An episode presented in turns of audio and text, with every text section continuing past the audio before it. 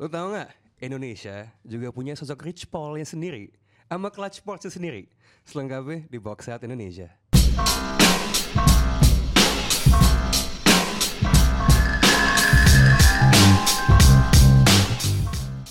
What up, what up? You're now watching the most valuable basketball podcast in Indonesia. Box Out is in the house. Bareng gue Raditya Alif. Dan hari ini kita kedatangan tamu spesial. Bukan cuma pandit. Sayangnya bukan pemain, tapi pernah hampir jadi pemain kelihatannya kalau dari social medianya. Seorang agen. Ladies and gentlemen, Mr. Rich Ivan Lubis. Rich Lubis. Halo halo kak, salam kenal semuanya. My name is Ivan Lubis. Cuman I'm still not a rich Paul, right? On apa? You're getting there lah. On the way. on the way. Kak. So uh, anyway, ini lumayan istimewa because lo merepresentasikan sebuah sports agency Yes. uh, yang ter- sports agency. yang terpampang di baju lo. It's Creathlete Sports Group. Can you explain what is triathlete? Uh, sejarahnya gimana? What y'all, what you guys do?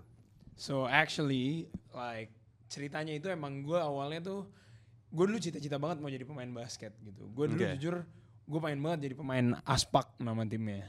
It's uh, tapi sekarang kebetulan udah nggak ada timnya. Dan dulu ya gue ambisi lumayan tinggi lah gitu. Dan ngejar juga kayak masuk UPH dan lain-lain. Walaupun nggak lanjut sih sebenarnya. Cuman ada poin di satu titik di mana orang tua gue melarang gue. Dan kayak lu nggak bisa main basket lu nggak boleh jadi atlet dan lain-lain. Lu harus IPK lu harus tiga setengah gitu. Terus kayak lu harus kerja di law firm kayak. Nggak nggak nggak nggak nggak jadi atlet nggak jadi atlet dibilang gitu. Yeah. dan sampai di situ gue pupus lah. Kayak damn gue nggak bisa kerja di dunia basket nih gitu. Terus akhirnya gue kerja di law firm. Tapi kebetulan gue lumayan banyak lah sahabat-sahabat gue yang alhamdulillah main ke IBL dan dari situ juga ya gue sering ngobrol sama mereka tentang kontrak dan lain-lain. Karena kan kebetulan emang day to day di law firm juga walaupun gue lamanya litigasi tapi gue ngerjain kontrak juga lah banyak banget gitu. Karena ya sambil corporate juga sebenarnya waktu itu. Dan waktu itu kebetulan ada Rans Pick Basketball datang ke law firm tempat gua kerja. Dan waktu itu Rans minta tolong mau buat PT, bikin agreement pemain, negosiasi kontrak dan lain-lain minta tolong ke law firm gua. Dan akhirnya kita kerjain. Kebetulan karena ya manajemennya di sana rata-rata ya bisa dibilang teman juga lah gitu. Sampai akhirnya ngerjain Rans terus. Dan datanglah nih satu temen gua, bukan temen juga sebenarnya senior di sekolah dulu datang tiba-tiba nyamperin gua kayak gua nggak pernah ketemu lama terus tiba-tiba kayak DM ketemu yuk di sensi gitu. Gue udah kayak anjir gue mau ditawarin apa nih? Gitu kan udah skeptis. MLM gitu ya? awalnya ngiranya gitu. Terus tiba-tiba dia tunjukin wih gue punya konsep nih. Ah. gue mau bikin sports agency. Terus gue langsung kayak damn serius gitu. Namanya Sena nih. Hmm. terus gue langsung kayak lu mau nggak ikut gue gitu. Kayak tapi ini harus all in nih. Kayaknya nggak bisa nggak all in dan sebenarnya gue sendiri pun udah beberapa kali tuh ya beberapa teman gue kayak ayolah Van jadi agent gitu. Ada pemain asingnya Ak- eh, Rans namanya Akim Scott. Ya. dia juga pernah ngomong ke gue ayo lu jadi agent bisa nih gitu. Gue bantu gue gue ya gue dukung juga lah dia bilang gitu. So, akhirnya di situ gue kayak anjir nih kayak bener-bener titiknya nih kayak wah gue harus ambil adjustment untuk kehidupan gue nih. Gue udah gede dan gue udah bisa ambil keputusan sendiri akhirnya gue resign dari tempat gue kerja. Ya walaupun jujur di sana nyaman sekali dan lain-lain tapi ya gue merasa ini a big potential lah di Indonesia gitu. Dan gue ngerasa atlet-atlet Indonesia tuh butuh didukung dan dibantu sama ya manajemen yang baik lah gitu. Maksudnya untuk mereka juga as a person gitu. Talk to me a bit about the landscape. Kan lo bilang butuh. ya. Nah, kenapa sebutuh itu atlet Indonesia eh, untuk punya dukungan dari agent eh, bahkan agensi kayak yang lo bikin Creathlete ini? Sebenarnya sih kalau ngomong bukan cuma atlet Indonesia doang jadinya. Hmm. Karena kebetulan gue dari kecil itu dulu bokap gue pernah nyuguhin gue film namanya Jerry Maguire. Show me the money. Show me the money, Tom Cruise kan. terus gue pas itu gue kayak inget film itu gue nonton lagi terus gue langsung kayak bukan atlet Indonesia doang gitu yang punya yang butuh seorang agent tapi Yeah. Atlet di belahan dunia mana pun menurut gue pasti dia butuh sosok seseorang yang bisa manage dia bantu dia gitu loh. Karena gue pernah ya walaupun gue nggak pernah merasakan jadi atlet profesional ya cuman kayak gue pernah jadi atlet serius di SMA aja tuh gue kadang ngerasa PR gue nggak selesai dan kayak gue nggak tahu mau ngapain kadang berantem sama cewek gue gara-gara jadwal yang duh gue tiba-tiba lupa besok ada latihan juga hari ini mau ini hari ini mau itu. Terus gue mikir gila gimana pemain pro gitu kan. Dan gue ngelihat beberapa teman gue juga udah mulai kewalahan lah gitu dan terutama kalau menurut gue soal finance dan hal-hal yang mereka juga nggak bisa fokus merhatiin kalau mereka tuh lagi fokus untuk dirinya sendiri di lapangan gitu loh karena kayak contohnya nih yang menurut gue untuk menjadi seorang agent tuh paling utama tuh harus lu tuh take care of your players or your athletes untuk aspek kehidupan dia dulu paling utama gitu. Yang penting lu tahu kayak oh their family is doing good, he's doing good, like dia nggak punya masalah hukum, dia nggak punya masalah apa pun. Terus ya apa pun kebutuhan dia sebelum game terpenuhi dan lain-lain itu menurut gue paling basic dari situ. Karena gue ngelihat banyak juga ya balik lagi nggak di Indonesia doang di US pun pasti atlet-atlet juga butuh banget itu gitu karena mereka butuh fokus ngeluarin full tenaganya untuk perform di lapangan kan atau di arena apa pun itulah gitu. It's about taking care about everything else off the court, off, Off the, the pitch ya. Uh, gue lihat di social medianya Creathlete ya, um, itu kayaknya baru beberapa bulan ya, belum belum lama gitu. Tapi rosternya udah lumayan ada isinya lah. Gue gue nggak tahu apakah udah double digit. Uh, ada satu main tenis yang, yang iya. cukup jauh prestasinya ya. Alhamdulillah, Alhamdulillah itu. kayak- Ada yang perenang ya. Ada tapi perenang juga. mostly uh, bola basket. Uh, Mostly basketball, ada ya. yang paling pertama tuh hitungannya siapa ya? Sandi, ya saya. Ya. Ya saya Uh, can you talk to a bit about rosternya ada siapa aja dan mungkin secara linear kali ya dari yang pertama sampai ke belakang tuh. Oke, so jadi atlet pertama kita itu sebenarnya si atlet tenis justru Hmm. Aldila Suciadi. Dia Ya. tuh justru atlet kita pertama yang kita bantu. Jadi ya waktu itu ya kita juga kenal sama dia kebetulan dari relasi juga dan dia kayak oke ada challenge-nya untuk dia mau join sama kita dan alhamdulillah kita bisa fulfill apa yang dia pengen. Akhirnya dia join terus langsung lah partner gue ini Sena langsung ngajak gue dan dia oke ayo kita expand ke basket gitu karena most of uh, our BOD dan shareholder juga anak-anak basket gitu. Terus kita ya udah kita fokus di basket karena kebetulan sahabat-sahabat gue pribadi juga di basket semua gitu kan. Akhirnya kita langsung approach ada ya saya Saudale sekarang, Sandi Ibrahim, Kevin Moses, Patrick Nicholas, Christian Gunawan atau biasa dikenal sama Coke. Eh, abis itu ada Altov Satrio juga. Kebetulan gue sama Altov pernah tim juga dulu Porprov DKI Jakarta Selatan waktu itu. Oke. Terus ada Ikram Fadil yang kemarin carry BPJ juga. Terus ada Julian Chalias tuh yang masih muda. Ada Reza Guntara Finals MVP, DPOY. DPOI Champions. He's he's a man this year. ya, ya, ya. Terus ada yang ketinggalan, ada namanya ada atlet basket cewek dari Jogja namanya Angel. Angel ini masih kelas tiga, baru lulus SMA dan dia lagi pengen pursu karir dia banget untuk lanjut college dan uni ke US gitu. Dia Oke. tingginya 187 cm dan dia bisa dribble, punya speed dan ya she really wanna dia pengen banget it cita- punya cita-cita main di WNBA gue Wow, bilang kan. that's amazing. Yeah. Terus ada Patricia Yosita dia Yang swimmer berenang ya? ya. And then ada beberapa yang belum di announce juga. Ada Akim Scott juga baru kita Yeah. announce. Patuanya itu ya. Patuannya dia kebetulan ya dia yang menginspirasi juga lah I gitu. see, I see. Uh, this side tracking a bit ya sebelum kita balik ke situ uh, ada Altov sama ada Reza Guntara. Kemarin sempat nonton itu dua pertandingan di pre-qualifier. Yes. What did you make of penampilan mereka tuh?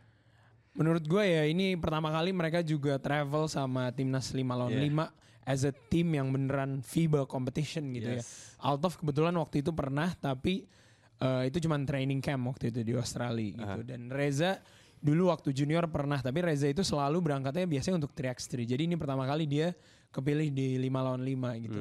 I'm very happy with what eh, apa yang mereka lakukan di lapangan kemarin gitu loh. Altov walaupun dia masih struggle tapi kayak he keep shooting the ball.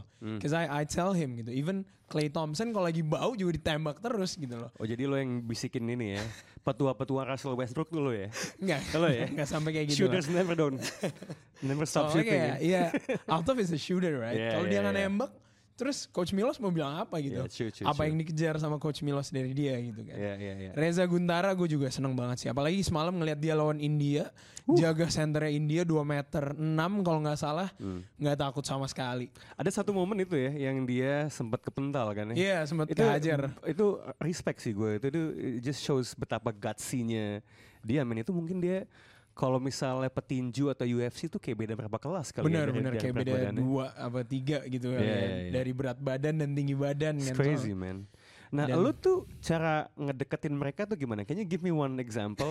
Kayak apakah mereka yang mendekat ke lo? Gue tahu mungkin tiap kasus tuh beda-beda, but betul betul bisa nggak sih? Kan karena kalau lo tadi ceritain di awal soal Jerry Maguire, kan dia punya caranya deketin pemain. Yes. Dwayne Johnson main di Ballers, dia juga punya swagnya nih, ya. Iya. Nah, kalau Rich Ivan deketin pemain basket Indonesia, what kind of moves do you use, man? untuk kayak mendekati mereka Iya, ya iya, iya. What's your pitch? Kalau gue sih jujur ya gue bilang ke mereka gue ya gue komit gue bilang ke mereka gue akan bantu lu semua.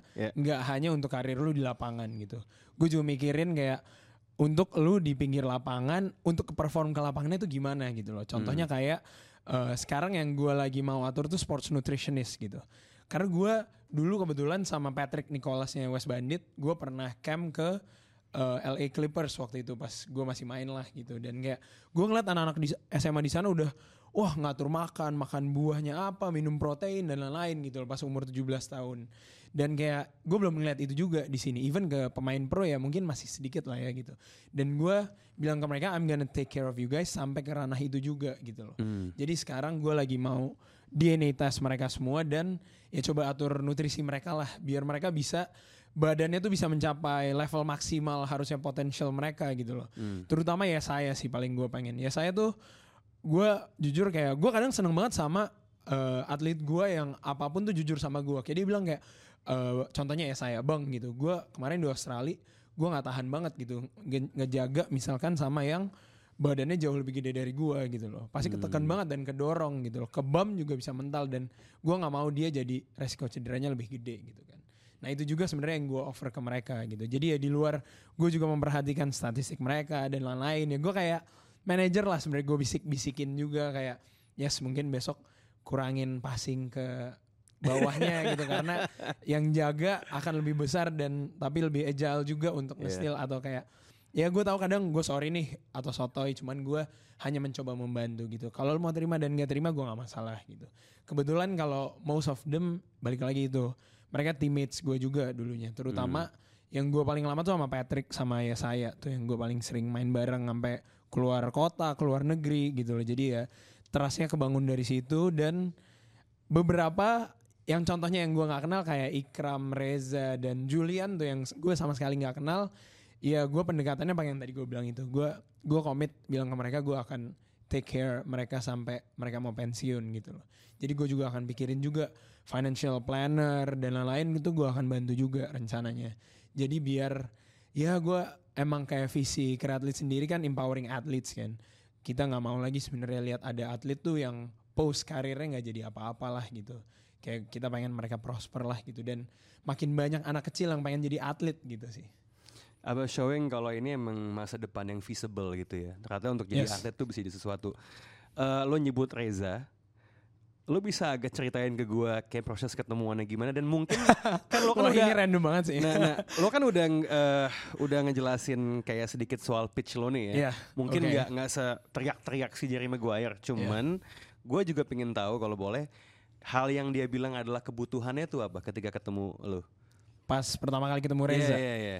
Kalau jujur gue pertama kali ketemu Reza tuh gue tuh nonton Reza dari dulu banget dan gue menganggap Reza tuh deserve banget timnas dari dulu. Cuman ya gue nggak tahu kenapa halnya apa kenapa dia nggak ke timnas gitu ya. Terus gue pertama kali mau approach Reza itu gue bener-bener cuman DM gue DM Reza terus Sliding gua kayak into his DMs, sliding. ya? Iya. terus gue kayak halo Res salam kenal gitu gue Ivan dari Creatlet Sports Group gitu. Terus besok lu gue nyamperin ke game dia di Surabaya waktu itu. Terus gue duduk di courtside gue bilang besok lu main ya lawan Evos Standar Bogor gue bilang. Ntar abis selesai game kalau ada waktu mau ngobrol ya gitu. Terus dia dengan anak yang baik hati ini nyamperin gue dan kayak eh iya Ivan ya gitu. Terus langsung dibilang ya udah deh abis malam aja abis gue video session dan lain-lain kita ketemuan di restoran di hotel gue atau di cafe kalau dia nggak capek gitu. Terus gue bilang ya take your time gitu kalau lu emang gak sibuk aja gue bilang. Dan dia langsung kayak follow up kayak ayo gue mau denger dulu apa sih nih kreatlet gitu. Jujur Hmm. kayak Reza gitu aja awalnya minta full edukasi juga dari gue kayak apa sih sports agency itu dan apa yang bisa gue lakukan gitu loh. Ya gue juga jelasin ke dia ya basically ya gue kayak lawyer lu juga sebenarnya gitu. Gue kayak I'm your attorney juga sebenarnya Hmm. gitu kayak gue bakal bantu lu di kesulitan lu dan lain-lain semua kayak yang gue jelasin tadi di awal lah gitu dan alhamdulillah Reza waktu itu mikirin kayak ya kayak sekitar dua minggu terus dia langsung kayak ayo pak saya mau join gitu. Nah cuman gue juga setiap join gue selalu bilang ke atlet-atlet gue selalu bilang kayak "Eh, tolong kita juga ngobrol sama GM kalian gitu. Jadi gue nggak Hmm. mau kayak tiba-tiba eh, GM atau owner atau timnya kaget eh, re- pemainnya join sama gue gitu loh. Terus gue jadi hubungannya nggak enak gitu loh. Karena kan ya gue bilang ke mereka gitu kita gue nggak mau ada ngelanggar hukum atau aturan atau etika juga gitu loh. Itu pun juga sempat jadi kendala masalah pas pertama kali gue mau resign gue cari tuh wah gue kalau mau jadi agent apakah ada sertifikasinya ataukah ada license yang harus gue ambil dan ternyata emang di Indonesia kebetulan belum diatur gitu tapi di FIBA sendiri kalau untuk basket udah diatur gitu dan insya Allah rencananya gue November ini mau tes si FIBA agent license ini di Australia nanti Ada tes tertulisnya. ada tes tertulisnya ya jadi Oh, kayak gitu? tes tertulis sama interview juga nanti jadinya Oh oke. Oke. jadi ya kayak ngambil bar license-nya lawyer juga lah. Ka- kalau udah dapat lisensi FIBA tuh berarti lo bisa apa kelebihannya dibanding apakah bisa bawa pemain dari luar dibandingkan ke sini? sekarang. Nah Iya. itu dia. Jadi emang Ah. gue tuh punya visi juga. Ya gue pengen lah bantu misalnya ada anak-anak muda yang emang udah kepikiran kayak kak gue mau main keluar gitu loh. Hmm. Misalnya kayak kak gue mau ke Jepang misalnya atau ke mana. Nah biar gue bisa directly bantu mereka tanpa harus misalnya pinjem eh, ada kenalan gue yang punya FIBA agent license eh gue pinjem ya gitu dan lain-lain kayak gue pakai nama lu kan lebih nggak enak kan sebenarnya Iya. kan. Gue pengen bantu mereka represent mereka dengan nama gue sendiri gitu loh. Hmm. Dan juga gue pengen untuk di IBL draft contohnya kayak Ak- Akim Scott gini gue bisa bawa mereka dan di listnya dengan nama gue gitu loh sih Hmm. gue pengen banget ya gitu karena Jadi- selama ini gue ngurusin runs dan gue lihat list of agent yang bawa pemain ke IBL draft belum ada nama orang Indonesia gitu loh Jadi nggak cuma pemain basket Indonesia yang go internasional, tapi Iya. agennya juga ya. Ah, Insya Allah Nah, cuma tadi kan lo bilang lo ngomong ke GM-nya dulu. Nah, agen ini gue nggak tahu ya karena gue rasa mungkin presidennya nggak terlalu banyak kalau di basket Benar. lokal ya. benar Kak. Eh, tapi kan kalau di bola kita suka dengar cerita dari perspektif orang awam. Oh, agen ini orang yang ah, mau ngambil duit kayak almarhum Mino, Mino Raiola lah kalau Iya. kalau- di bola. Nah, benar benar ketika lo ke GM untuk lo sebagai agen ada resistensi nggak sih dari klub Eh, dari beberapa klub ada gitu yang kayak gimana kayak tuh? lebih ke mereka ngajak ketemu dan ngobrol panjang lebar dulu juga mau tahu Hmm. background gua dan lain-lain Hmm. visi misi gua dan lain-lain menurut gua it's a good thing juga untuk mereka mencoba protect pemain dari tim mereka gitu kan jadi Hmm. mereka juga tahu gua siapa gitu kan maksudnya kayak gua nggak datang main tiba-tiba mau nego ulang atau apa dan lain-lain gitu kan ya gua datang dengan secara halus sesuai hukum dan ya gua mau beretika lah gitu sebenarnya Hmm, hmm. Makanya alhamdulillah sih sebagian besar GM semuanya menerima dengan baik gitu ya Kak. Karena ya di- tadi sih izin juga itu sih menurut gue. Emang harus ada kulonuwun lah gitu Kak. Oh, Oke. Nah ini kan kalau ngomongin klub ya, em, ini mungkin yang udah lumayan banyak dibahas. Ada beberapa klub, beberapa tim yang masih ada masalah soal gaji yang belum dibayar. Ya, saya belum tahu update-nya sampai hari ini gimana. Eh, ngelihat di eh, media main basket itu lumayan di up ya. Eh, lo sebagai orang yang berkecimpung di bidang hukum, ini kan sebenarnya saat ini saya nggak tahu sebenarnya kontraknya kayak apa gitu. Benar Cuman benar. What are your thoughts on that? Eh, situasinya seperti itu tuh kenapa? Apakah lebih karena klubnya nggak profesional atau karena kontraknya memberikan ruang untuk ya rasanya sih harusnya sih nggak ada gitu. But what's your take on that? Kalau menurut gue pribadi sih ya itu sebenarnya emang itu udah jelas banget masalah hukum ya kayak. Cuman Hmm. maksudnya gue balik lagi gue nggak tahu masalah dari masing-masing tim kayak gimana dan gue nggak mau juga misalnya ganggu rumah tangga orang lah dibilang Hmm. atau ngomongin gimana. Cuman in my perspective untuk atlet ya harusnya menurut gue apa yang sudah tertulis ya itu udah hak dan kewajiban lu gitu loh. Hmm. Jadi kayak kalau lu ngerasa ada sesuatu hal yang dilanggar atau bahasa hukum hewan prestasi Mhm. ya you gotta fight for it gitu loh. Mhm. Dan maksudnya lu harus cek juga tapi apakah misalnya di dalam kontraknya ada klausul-klausul waivernya yang kayak misalkan kondisi-kondisi tertentu yang emang diperbolehkan untuk misalnya jadi terminate sepihak atau misalnya jadi nggak bayar salary atau gimana. Nah itu pasti balik lagi ke kontrak masing-masing sih kak. Dan gue jujur gue nggak tahu mungkin kontrak dari masing-masing mereka gimana. Cuman yang pasti kalau anak-anak gue itu kejadian ke anak-anak gue gue gimana caranya gue akan mengusahakan yang terbaik lah buat mereka. Hmm. jadi contohnya misalnya ini terjadi ke anak gue gitu. Gue akan bikin kayak oh agreement atau kayak eh ya klausul lebih lanjut atau addendum di agreementnya gimana caranya tunggakan-tunggakan itu tuh bisa diselesaikan gitu. Kalau gue Hmm. gue pasti akan datang dengan cara damai dulu gitu. Dan gue akan tanya juga ke timnya gimana untuk maksudnya contohnya untuk pemain A gitu. Apakah eh, hak-hak dia akan terpenuhi dan kalau emang dari dia ada yang salah juga dia salah apa gitu. Sampai misalkan kondisi tersebut bisa terjadi Hmm. gitu kan kalau gue sih pandangan gue Sebenarnya kan kalau eh, dalam kapasitas lo nih ya, ketika lo juga kerja buat Rans, lo pasti udah biasa ngelihat kontrak pemain. benar-benar Nah, apa sih yang kurang eh, sehingga eh, yang lo amatin ya? Mungkin lo juga udah punya standar ideal mempelajari ha- hal yang sama kontrak pemain di luar gitu. What's what's missing? What could be improved dari di perkontrakan Indonesia pemain ya, di. Indonesia? Ya. Kalau menurut gue sih rata-rata sih sekarang udah mulai bagus sebenarnya kak. Iya. Karena kan kita bisa akses kayak template kontrak Euroleague misalnya, even kayak Hmm. template kontrak pemain NBA juga beberapa ada yang kita bisa dapetin dari Hmm. internet gitu ya.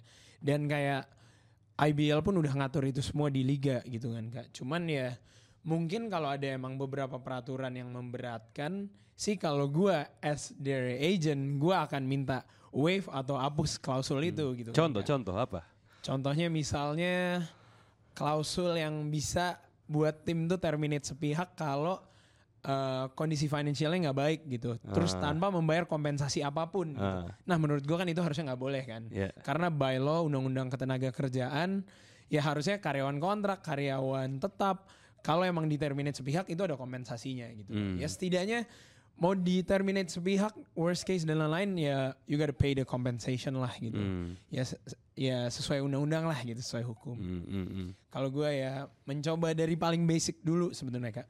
Dan gue juga bilang ke anak-anak gue juga nggak mau main oh bongkar semua marah ke sini marah ke sini.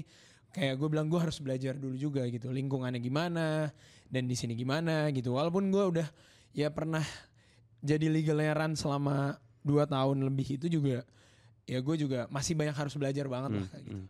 Kan legal sama bisnis ya is, is is one thing ya. Tapi lu ngelihat IBL going forward dari kacamata lo sebagai agen sekaligus a fan of the game gitu. Hal-hal apa yang menurut lo masih bisa diimprove kemasannya? Hal-hal yang masih bisa diimprove ya kayak. Like, like, like gua- what do you expect? What do you want? Kalau gue it's I want more entertainment aja sih kak. Oh, oke. Sama aparel kalau menurut gue. Karena kayak dulu gue pernah pengalaman ya nonton eh, Milwaukee Bucks lawan eh, Washington Wizards waktu itu. Giannis lawan John Wall. Dan kayak itu it's not a big game. Even arenanya tuh nggak penuh. Tapi kayak gue terentertain banget parah gitu waktu itu di situ. Karena kayak dari gue datang langsung regular season ya dapat kaos. Walaupun bahannya juga ala kadar banget dan lain-lain. Terus kayak ada jumbotron dan lain-lain yang bikin kayak orang tuh mera- semakin merasa ada di game gitu loh. Hmm. Dan kayak kita we need that apa we need more entertainment aja sih kalau menurut gue dan kayak more celebrity games misalnya atau kayak all star game yang lebih besar lagi. Walaupun gila IBL is doing a really good job dengan all star game dan lain-lain. I agree. dua tahun kemarin tuh penuh terus dan kayak ada celebrity game juga kemarin. Dan kemarin All Star Game di Semarang gua kebetulan datang juga penuh banget tuh Gor Knights Stadium namanya di Semarang. Mhm. ya cuman menurut gua with more entertainment ini akan lebih naik lagi. Karena kayak gua ngelihat kemarin dari regular season untuk big game saja orang-orang tuh udah war tiket tuh kemarin. Iya. even teman-teman gue tuh udah mulai nanya Van tiket habis nih langsung tiket habis gitu. Bisa dapat nggak? Bisa dapat gue kayak waduh ya gue juga nggak bisa gitu. Gue juga nyari tiket kan Padahal gitu. kalau dulu nanya beli tiket di mana? bener kalau dulu udah, nanya beli aduh, tiket di mana? gitu. cari di mana lagi nih? Gitu kalau sekarang. Even kayak sampai gue denger di Twitter juga udah mulai banyak yang jual calo-calo atau gimana gitu Udah kayak ini ya, udah kayak WTF ya. udah kayak WTF WTS, WTB, tiket final IBL gitu ya. dan kayak ini kayak nonton Korea jadi Ah, betul, war betul, tiket betul. kan War, semua. cepet-cepetan, war semua bangun maksudnya gue kayak walaupun di satu sisi gue ngelihat banyak orang yang ngeluh gue gak dapet tiket gue gak dapet tiket gue gak dapet Hmm. tiket cuman kayak gue sebagai gue kebetulan nonton IBL dan dulu sempat namanya NBL juga tuh dari 2008 Yeah. dan gue merasa gila ini a big improvement banget sih. Yeah. You know, part of the entertainment is ngebangun brand dari pemainnya yang entertaining. Nah, lo bisa eh, ceritain sedikit sedikit dengan tentang cara lo ngebangun brand pemain-pemain lo biar lebih entertaining nggak? Gue gue pengen dapat kayak kontras, gue pengen dapetin warna nih. Oke. Misalnya ya saya tuh kayak apa Oke. gitu loh. Can you talk to me a bit, about that? Kalau gua sekarang beberapa pemain masih gua benerin fundamentalnya banget gitu. Hmm. Misalnya kayak Reza nih. Even sekecil kayak Res, kalau lu repost story, Aha. backgroundnya harus warna ini gitu loh. Oh gitu. Karena ini akan rapi dan kayak jadi profile lu gitu loh. Misalkan Ah. kayak awalnya gue bilang biru tua bagus Res, cocok nih sama lu sebagai pemain prawira gitu loh. Hmm. Walaupun ya Reza sekarang akhirnya ganti warna lagi gitu loh. Dan gue coba rapihin kayak Instagram highlightsnya, terus Hmm. kayak reelsnya dan lain-lain gitu loh. Dan gue juga bilang kayak Res, lu harus membangun brandingan lu itu a family man gitu. Family man. Iya, gue bilang bukannya lu membangun kayak ya membangun cuma-cuma gitu karena emang lu beneran I know you are a really family man gitu. Ah. Lu peduli banget sama orang tua lu, lu sayang banget sama istri lu, sekarang lu punya anak, setiap malam abis game, even abis selesai main pasti yang pertama di video call langsung anak gitu-gitu ya. Maksud gue itu emang harus di highlight gitu loh dan orang harus tahu itu juga gitu loh. Kadang kayak capek-capeknya Reza, Reza selesai cooling down sebelum masuk bus udah langsung FaceTime anaknya walaupun misalnya sambil tanda tanganin fans yang ada di hallway gitu misalnya. Beda misalnya sama ya saya, gue bilang ya saya keep do your thing lah gitu. Gue dari kuliah satu, ya saya juga pernah sekelas sama gue satu organisasi sama gue dia udah suka joget-joget TikTok. Gue bilang keep keep doing it lah gitu. Kayak emang lu seneng ngelakuin itu Yeah. dan kayak orang seneng ngelihat lu melakukan itu gitu. Loh dan itu pun gak mengganggu performance lu di lapangan gitu loh dan kayak justru itu na- ningkatin confidence lu menurut gue Itu yang gue suka sebelum tau gak sih? Gue gue nggak tahu apakah ini udah kejadian di Indonesia ya. Kan emang generasi pemain yang lebih muda itu kan nggak pernah hidup di zaman di mana nggak ada social media kan. It's part of the life.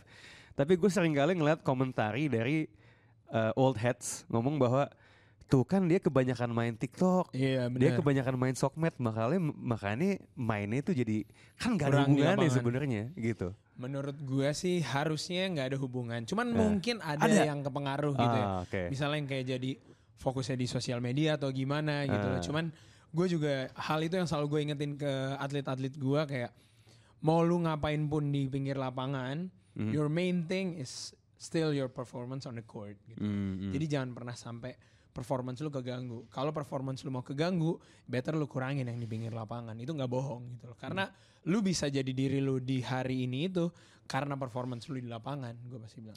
Sejauh ini dari branding yang lo lakukan, brand-brand yang udah kepincut sama sama pemain lo udah tingkat konversinya kayak apa dan ada ada cerita atau insight yang bisa lo share soal itu nggak? Ya contohnya mungkin kayak Dila juga ya. Alhamdulillah kayak waktu itu Dila eh, awalnya sama A6 dan kayak sekarang bisa perpanjang dan melebarkan scope dan semua semuanya lah sama A6 untuk lebih menjadi ambasador A6 dan lebih fokus Hmm. untuk jadi ambasador A6 juga di Indonesia gitu loh. Karena Hmm.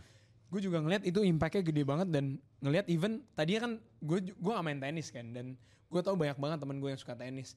Sampai kayak gue baru ngikutin tenis karena Dila dan akhirnya bener-bener teman-teman gue nanya a lot of things about Dila gitu loh. Dila beli baju A6 itu di mana beli ini di mana beli ini di mana sepatunya dari mana kapan rilis dan lain-lain gitu loh. Dan itu juga lumayan terjadi ke pemain-pemain gue yang lain gitu loh. Even kayak misalnya Sandi gitu. Sandi kan identik banget sama dia suka ngelawak kan. Hmm. ya gue selalu bilang ke dia kayak endorsement apa pun baiknya emang lu bikin agak ngelawak sedikit Lucu gitu loh. ya. ngelucu sedikit ya. Karena gue bilang emang itu natural dia juga gitu Hmm. loh even dia lagi nggak dapat endorse juga emang kontennya dia emang suka ngelawak aja gitu kan. Dan ya gue juga selalu seneng sama anak-anak yang kayak selalu jujur sama gue kayak Van gue butuh ini gue butuh ini gue butuh ini. Contohnya lagi kayak Altov kemarin Altov bilang kayak gue pengen banget nih dapat endorsement misalnya dari ini ada brand ankle brace namanya Zems kemarin. Dan kayak oke Tov gue coba approach ya. Dan alhamdulillah Altov sekarang bisa jadi ambasadornya Zems dan kayak dia senang dengan produknya karena emang dia pakai banget gitu loh produknya kebetulan ankle brace dia udah dari tahun 2020 dan sekarang 2023 dia baru ganti Uh, awet. karena dia sayang banget sama dan beneran awet banget gitu loh Hmm. dan Dalam pemain lo eh, bikin konten, seberapa jauh harus lo arahin atau ternyata mereka pada cukup jago ternyata? Beberapa gue jujur mereka jago juga gitu loh. Ah. Kadang udah ada kayak misalnya gue arahin nih atau kayak dari brand kan biasanya udah ada kayak ya? KOL guideline Ah. gitu kan. Terus tiba-tiba mereka udah kayak gue juga udah langsung nih misalnya ada brand apa masuk, gue langsung cari ide, bikin Hmm. brainstorm sama partner gue Sena namanya Kinan dan lain-lain. Terus Hmm. kayak gini-gini gini. Oke, kita kasih brief tambahan ke anak-anak gitu. Tapi ternyata anak-anak pas gue kasih brief tambahan, mereka pun aja ya bang kayak gue mau gini bang, gue mau bikin gini, tambahin gini ya, tambahin Malah seneng gini. ya? Dan gue seneng banget sih dengan Ah. mereka yang berani ngasih insight-insight itu gitu. Oke. Karena mereka bisa makin menjadi diri mereka sendiri lah gitu kan. Di sisi lain brandnya rata-rata pada happy nggak? Karena ini kan lo kayak menjadikan atlet tuh, I mean ini di luar ada common obviously, cuman Yes. jadi influencer. Tapi respon dari brandnya setelah di setelah partnership rata-rata gimana? Alhamdulillah sih kayak beberapa brand yang kayak awalnya cuma masuk endorsement kecil atau Ah. gimana terus jadi bilang kayak eh mau bikin project gini lagi ya sama Hmm. Sekalian rame sekalian sama yang lain semua dan lain-lain kayak gue mau bikin gini lagi ada aja tuh yang kayak gitu cuman emang ya beberapa brand mungkin ada juga yang nggak balik lah nggak bohong lah namanya Hmm. juga cocok-cocokan juga kan kadang cuman emang kalau brand yang dasarnya suka sports dan apalagi kalau emang bidangnya niche ke Hmm. sports gitu alhamdulillah rata-rata banyak yang balik lagi dan ya kita juga sebenarnya as an agent kita datang ke mereka juga dengan ide-ide baru juga gitu loh kayak oh kita bisa bikin activation ini nih bikin ini nih bikin ini dan mereka alhamdulillah rata-rata kayak ayo coba kayak brainstorm lagi dan lain-lain gitu jadi kita banyak juga brand partner yang lumayan dari awal dan jalan terus sampai sekarang gitu loh Cukup kolaboratif ya. Yes. Eh, ini terakhir gue pengen geser sedikit. Eh, you a fan of a player of a team di NBA? Di NBA Eh. I'm a Dub Nation Oh Warriors gue ya. big Steph Curry fan Oke. walaupun dulunya gue fans D Wade cuman kayak ya gue jujur sempet agak bandwagon sih pas Steph Curry dulu 51 poin di New York tuh gue kayak Lagi dibahas tuh ya di podcastnya Iya. All the Smoke ya. gue kayak wah gila sih Steph Curry bakal change the game sih terus gue bener-bener kayak waktu itu dia masih pakai hyperfuse tuh gue langsung kayak cari colorway-nya Golden State Warriors terus gue semenjak itu bener-bener langsung jadi Steph Curry fan We know Steph Curry is the best player di Golden State. yes Pertanyaan gue adalah pemain dengan brandingan terbaik di Golden State menurut lo siapa sebagai someone who works in that area? saat ini ya Eh, baru keluar sih pemainnya menurut gue siapa? Jordan Poole Oh iya kenapa tuh? Coba coba coba lo karena jelasin. ya gue seneng banget lah dengan Jordan Poole yang kayak dia fokus banget sama fashion dia dan Hmm. kayak tapi sepatu dia pun colorway-nya sampai hari ini di lapangan selalu bagus dan selalu sesuai taste-nya dia gitu Mhm. loh. Dan gue tuh kadang seneng banget sama pemain yang gak cuman kayak oh gue hari ini Warriors colorway-nya home gitu. Gue pakai sepatu putih kuning gitu loh. Sedangkan Jordan Poole nggak kayak gitu kan ntar eh, jersinya pakai warna hitam dia sepatunya pakai misalnya GT cut yang orange Hmm. gitu atau yang apa gitu dan dia juga selalu kayak gue ngeliat endorsement endorsement dia tuh selalu menarik aja gitu loh dan dia kan ditemenin sama si fotografer kelilingnya atau gue gak tahu sebenarnya dia di kontraknya gimana karena fotograferin Warriors juga namanya Jordan Jimenez tuh. Jadi Jordan Jimenez ini selalu bikin kayak culture banget nih Jordan Poole setiap kayak collab sama brand apa tuh gue kayak gila. Gue langsung kayak diri gue aja pengen gitu loh dibikin kayak gitu makanya gue langsung mikir kalau ada yang kayak gitu-gitu gue juga langsung ya why not itu dijadiin inspirasi buat anak-anak kreatlet gitu kan Oh, oke. kadang gue selalu mikir kayak gitu Ya, sih mungkin itu alasan kenapa dia digebok sama Raymond Green kali. mungkin Draymond Green iri kali ya, Iri jadinya jealous kali ya. Udah fan- bikin podcast gitu kan. fans Warriors jadi nggak ngeliatin Oke. nggak nonton podcastnya malah ke Oke. Jordan Poole ya. Terakhir, Netflix. terakhir banget, terakhir banget. Boleh, Eh, lu tadi eh, hari ini udah terekspos sama videonya James Harden gak? Udah yang gue lihat Yang dia yang dia call out Daryl Morey is a liar, He's a liar. And I will never play. oh my god gue gue bingung sih. Nah, nah gue pengen nanya, ini kan dia kan terikat kontrak tapi katanya sudah eh, dijanjikan sesuatu nggak dapet. yes. Nah, menurut lo dia ngomong kayak gitu, gue pengen tahu thoughts lo aja. Kayak misalnya apakah itu out of control, apakah agen yang bilang, apakah itu good move. Sebagai orang yang menjadi agen, gue pengen tahu diagnosa lo apa soal itu. kalau diagnosa gue menurut gue nih orang udah sakit hati banget gitu loh. pasti nih orang udah dijanjikan sesuatu dari lama pasti agentnya udah minta dari lama dan pemain udah ngomong dan masih nggak dapet dapet cuman Hmm. ya balik lagi gue nggak tahu kan realitanya gimana dan apa yang ditulis di paperwork dia gitu kan cuman damn gila dia teriak kayak GM-nya is a liar tuh menurut gue kayak it's a gue nggak tahu ya gue gue mau komen apa sih gue speechless banget sih. Maksud gue ya gue sih as an agent gue nggak akan mau pemain gue sebenarnya ngomong kayak gitu sih. Apa pun kondisinya gue bilang kayak ya mungkin kayak just hold it up gitu loh. Kita cari solusi lain lah gitu.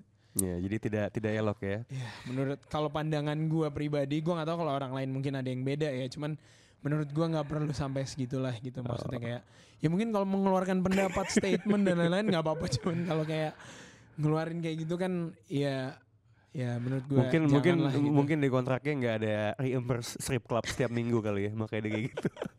Oke, eh, terakhir Oke. ada yang mau dikatakan mungkin ke penonton box out tentang atlet atau anything?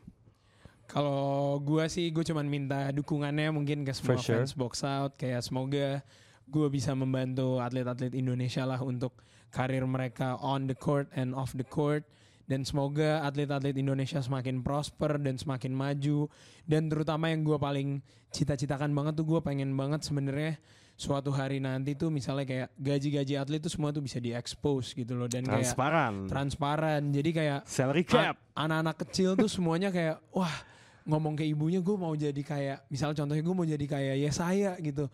Kenapa kamu jadi Yesaya? Yesaya lihat Yesaya bisa hidup sampai pensiun dan lain-lain semua semua gitu. Atau gue mau jadi Reza gue mau jadi Patrick gue mau jadi siapa gitu loh. Gue pengen banget anak-anak kecil tuh ngerasain itu karena itu juga akan ngembangin industri basketnya sendiri kan. Mau basket bola dan semua semuanya itu akan berkembang karena competitionnya akan makin ketat dan akan makin banyak pelatih yang bagus, industrinya akan makin besar dan sports di Indonesia akan jadi main entertainment gitu hopefully gitu one day. Ya, eh, semoga industri basket Indonesia terus berkembang dan semoga Kreatlet menjadi pemain yang besar dan berpengaruh Amin. di dalamnya. Thank you banget Ivan udah main Amin. ke box out. Thank you box out. Yeah. Thank you Ran. Uh, appreciate it. This is Yes, box sir. out and we out.